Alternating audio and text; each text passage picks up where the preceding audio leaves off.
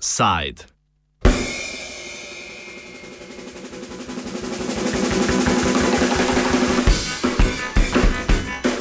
Ko ebola razsaja, nevidna roka ne miruje.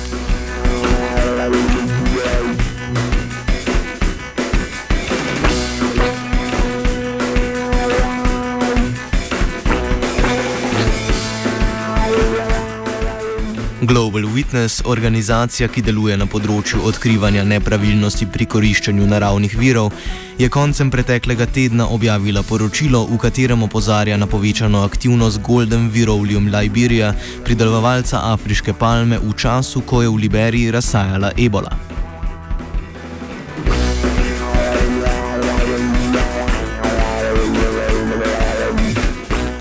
Golden Virolium Liberia, krajše GVL, sicer hčerinsko podjetje drugega največjega proizvajalca afriške palme na svetu, singapurskega Golden Agri Resources, se je v preteklosti večkrat soočalo z obtožbami lokalnega prebivalstva.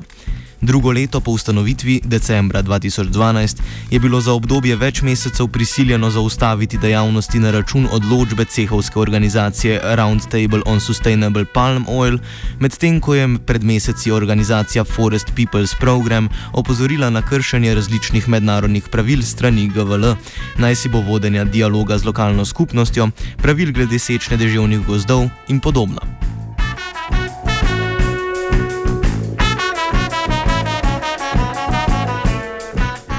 Golden Virolium Liberia na jugovzhodu Liberije vzpostavlja plantažo afriške palme, ki se koristi za pridobivanje palmovega olja na območju, ki zaobjema 2700 km2 in predstavlja sedmo največjo plantažo palme na svetu. Jonathan Gant, avtor poročila pri Global Witness, opozori, da se podjetje v preteklosti s tam živečimi skupnostmi ni pogajalo na pošten način. The idea that the communities are able to negotiate when passing over their land to Golden Veroleum. We documented various instances that demonstrated that that was not a proper negotiation. And that the contracts that these communities were signing with the company um, were basically not negotiated, in some cases, forced contracts. And one of the pieces of evidence that we, we collected in order to demonstrate that fact that was that attending one of the signing ceremonies um, was not only the big boss man for the county um, looking down at all of the community members, telling them to sign the contract, but also armed police which is quite rare in Liberia. Liberia still has an arms embargo against it. There are only certain segments of the police force, very small numbers, and obviously the military that's allowed guns in the country. So the idea that this would be a situation in which armed police were allowed, were were, were deemed necessary in order to sign a contract is is um, well, it's very suspicious and, and does suggest that the community members were uh, going to leave that that meeting having signed that contract, um, whether they liked it or not. Med izbruhom ebole dejavnost GVL-ja ni usahnila, temveč se je celo povečala, če tudi so v državi veljale izredne razmere, pojasni Gant.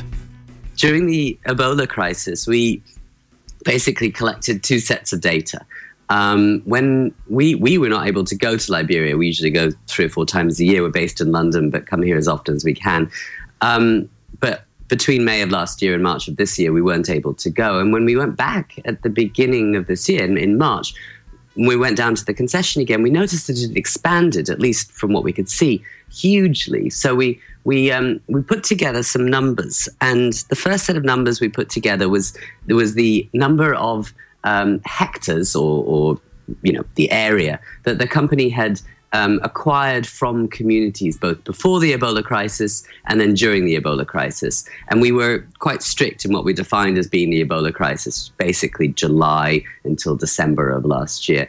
And prior to the Ebola crisis, um, the the company had obtained something like 15,000 hectares, and then they doubled the number of hectares that they acquired from the communities in these quote unquote negotiated contracts.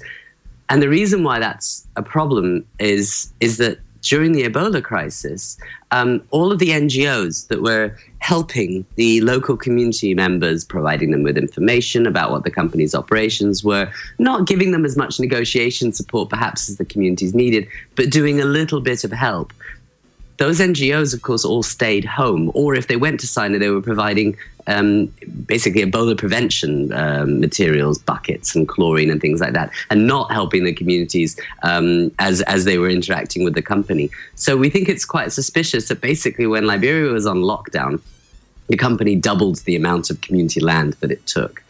Uh, in addition to that, we think it's quite frightening that during this Ebola crisis, you know, during a disease, an outbreak where people interact with one another, um, and that's how they pass the, the disease, and everyone was staying home as a result.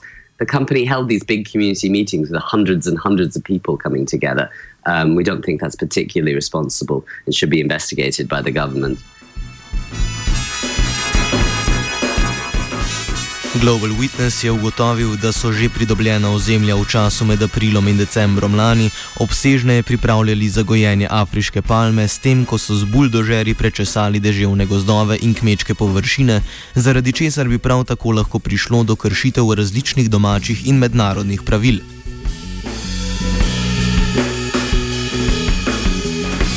Gant pojasni vlogo liberijskih nevladnih organizacij, katerih pomoč lokalnim skupnostim na jugovzhodu države je v mesecih, ko je razsajala ebola, izostala. There are Liberian NGOs. There are between three and four at different times um, that go down to Sino with some regularity, maybe once a month or once every six weeks, um, and will pass out materials about what the company's contract says or what the company's environmental impact assessment says, because all of these documents exist in Monrovia, usually hundreds of pages of long and drafted by Western style lawyers and Liberian lawyers, and completely impenetrable um, even to me, and and, and I'm a lawyer, but um, we, you know, certainly to to a, uh, a, Liberian community member who doesn't speak English, doesn't read and write, um, certainly doesn't have access to the paper in the first place. Um, so these these NGOs will go around and they will pass out copies of what we call toolkits um, for all of this different information. And if community members are frustrated or protesting, then sometimes they will help them bring those protests. So there is a voluntary mechanism. Uh, people have probably heard of fair trade, um, fair, the fair trade seal or the FSC seal that you see on the sides of packages that theoretically says that your coffee or your paper uh, comes from a good source.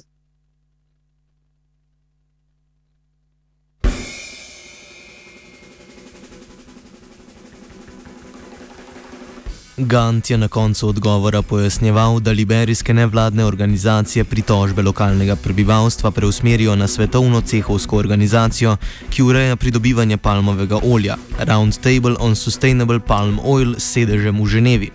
Slednje je GVL-ju leta 2012 za nekaj mesecev oduzelo dovoljenje za delovanje, na to pa odvrglo vse pritožbe lokalnega prebivalstva, komentira Gant. Well, palm oil has one of those too. It's a voluntary body, a voluntary trade association called RSPO. And it's quite new and it's uh, got decent standards. The standards are not bad um, uh, for, you know, protecting communities and protecting forests. And if you want an RSPO seal on the side of your package, um, then, uh, then, you know, of a shampoo or something that has palm oil in it, has an RSPO seal on the side of it. Um, and of course, if the company is violating those, uh, standards, then one complains to the RSPO. So, a main way in which uh, local NGOs have been helping local communities, in addition to providing them information, is to basically find a voice, find an avenue for people's complaints because the company isn't changing. And our main concern, of course, is that the government is not being helpful either. Um, so, segueing slightly into the role that these local NGOs are playing, the RSPO complaints have not been overly successful. The RSPO has not, the, the investigation body has found in favor of the company and not in favor of the communities, which we think is, well, deeply incredible. So, um, my main concern is that the government is able to regulate this company and that we aren't leaving it up to um, this international body, which is this international voluntary mechanism, which is what the main uh, Liberian NGOs have been focusing on so far. Za kakšne vrednosti pa sploh gre pri malo da ne stoletnem najemu zemlje podjetju? Under the company's contract, uh, it has to pay to a community development fund um, I believe somewhere in the order of five dollars a hectare. Um, and if a community, let's say of I don't know three thousand people, hands over eight thousand hectares, you can see how actually that forty thousand dollars a year doesn't actually go very far. Uh, that money, of course, hasn't been distributed yet. Um, the company has to pay some money in rent to the government. Um, not very much, two dollars fifty or something like that, um, in the short term at least. Maybe a little bit more later. Um, what the company is supposed to do is that if it takes community land directly and that community um, is farming on that land, then the company is supposed to pay the community member whose farm upon which that land sits. The company said it's just not going to do that, even though the contract says that it needs to. The company says it's not going to. Instead, if a community's member says, That's my farm, and the company will then just say, uh, even though we want everything around your farm and we have the right to it, as nobody else has protested, we're just not going to take your farm. Your farm will stay there. And then the company doesn't pay, and then the farm stays, but is encircled by plantation and therefore probably is useless. So the short version is, is that the company is not actually assigning any specific value to this land that the communities own um, and is not really paying um, any money directly to the communities as a result of their ownership of the land. It's giving a little bit of token money around the sides um, for you know that the communities may or may not be able to spend find fund some way of using properly. Global Witness je liberijski vladi predlagal kratkoročne in dolgoročne rešitve. Sprva kratkoročne. So you sort of have you have your short term fix and you have your medium to long term. Um, and the short term is basically that the government needs to stop the company from expanding any further, not get rid of the company, but stop it from expanding any further, taking any more people's land, um, until they can investigate as to whether some very strange financial ties between the company and some of the local government officials. They're renting houses at, at what seem to be very high rates from local government officials. Um, whether there's corruption there, and why it is the fact that protesters for the company um, have been assaulted um, and arrested. And then following that investigation, um, there really does need to be a direct injection of support for communities, whether that is something the government can provide, and the government is not particularly enthusiastic because they don't want to do anything to slow Golden Veroleum down, or something that Liberia's donor partners can back the US, the EU, the Germans, the people who DFID, the Brits, the people who actually um, are seriously invested in the country here. Um, and that is information for the people and negotiation support so that the people are not ultimately signing whatever is put in front of them by the company, these rather dreadful agreements that are actually coming out. In dolgoročna rešitev za Liberijo v oziru dogojenja afriške palme zaključi Gant. The, the Liberian government really actually needs to, to regulate this sector. It needs to have government officials who take responsibility for preventing this company from polluting or from beating people up or from bribing or whatever is the case. Because right now, Liberian government doesn't have a lot of capacity. It's a, it is a poor country, uh, but it does at least have agencies that theoretically um, regulate the forest sector, the logging companies, or the mining sector, um, or the oil sector uh, although it hasn't really kicked off the oil sector here yet. You at least have someone you can turn to to say, "Oh, come on, this is this is desperately illegal, or this is deeply morally wrong." And Liberia doesn't have that right now. It has a hundred-year-old plantation, uh, what used to be the biggest rubber plantation in the world, Firestone Rubber Plantation. I think it's the second largest now. And that, that plantation may well be the reason why there's no government ministry and there's no law that regulates how an agriculture concession should operate. And that's what we're calling for. It'll take time. It's not just putting law on paper, it's actually building the government's capacity to, to execute that law. Um, but that's what we're calling for ultimately.